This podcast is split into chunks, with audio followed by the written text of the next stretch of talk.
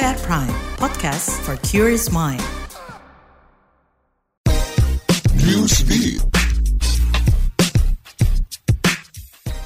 Kementerian Luar Negeri Amerika Serikat menyoroti kebebasan beragama di Korea Utara. Dalam laporannya terungkap, sebuah keluarga dipenjara seumur hidup lantaran menyimpan sebuah Alkitab. Kasus ini terjadi pada tahun 2009. Pengungkapan kasus ini berdasarkan wawancara pada 2007 sampai 2022, di mana ada 244 korban penganiayaan yang disebabkan agama. Korban-korban ditahan, dipenjarakan secara paksa, disiksa, tidak diberi keadilan hingga mendapatkan kekerasan. Segala bentuk kekerasan ini dilakukan pemerintah Korut lantaran ada warganya yang memeluk agama Kristen.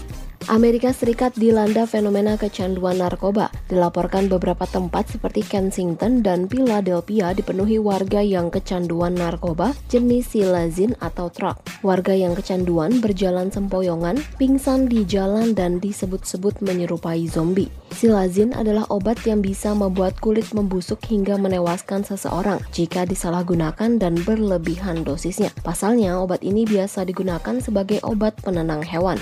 Leader boyband asal Korea Selatan RMBTS ditunjuk menjadi duta hubungan masyarakat tim investigasi peninggalan dari Kementerian Pertahanan Nasional Korea Selatan. Pria bernama asli Kim Namjoon itu akan berpartisipasi dalam kegiatan promosi seperti mempublikasi pekerjaan penggalian yang dilakukan oleh tim di Kemenhan. Tim ini bekerja mencari sisa-sisa jasad tentara Korea Selatan dan PBB. Mereka juga mengembalikan jasad-jasad tentara Tiongkok dan Korea Utara yang gugur. Nantinya RM akan mempublikasi aksi-aksi kemanusiaan yang dilakukan oleh tim investigasi peninggalan tersebut.